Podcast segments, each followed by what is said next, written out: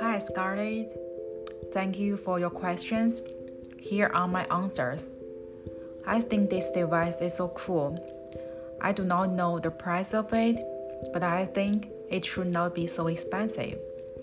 I'm really glad this video chose a participant who can speak Chinese and English, so I can quite get the meaning of this video and see the small mistakes in this test.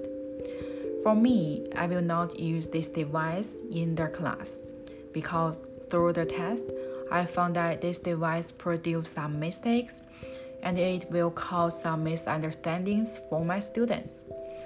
I saw one sentence in the test it might be cited from a machine or a real person, but the Chinese character in the device was not right. For example, in this video, the tool translated Zhan, uh, like the meaning in English is fight, to Zhang, the meaning in English is inflate. So the device could not translate correctly and it shows audience another meaning. Also, some sentences were related to the culture and traditional stories.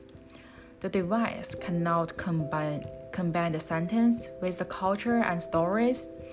One example in this video, the device translated the Chinese sentence to a hundred victories, but actually it meant like people win every war. All these mistakes will give students misunderstandings of the languages, so I will not use this language in my class. I think teaching in language is still necessary for language learners.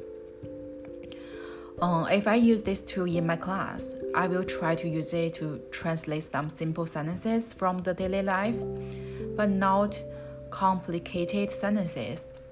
I think students should learn language systematically.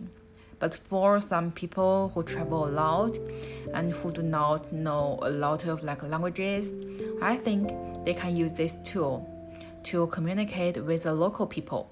It's very useful from my thinking. So these are the thoughts from me. Thank you for listening.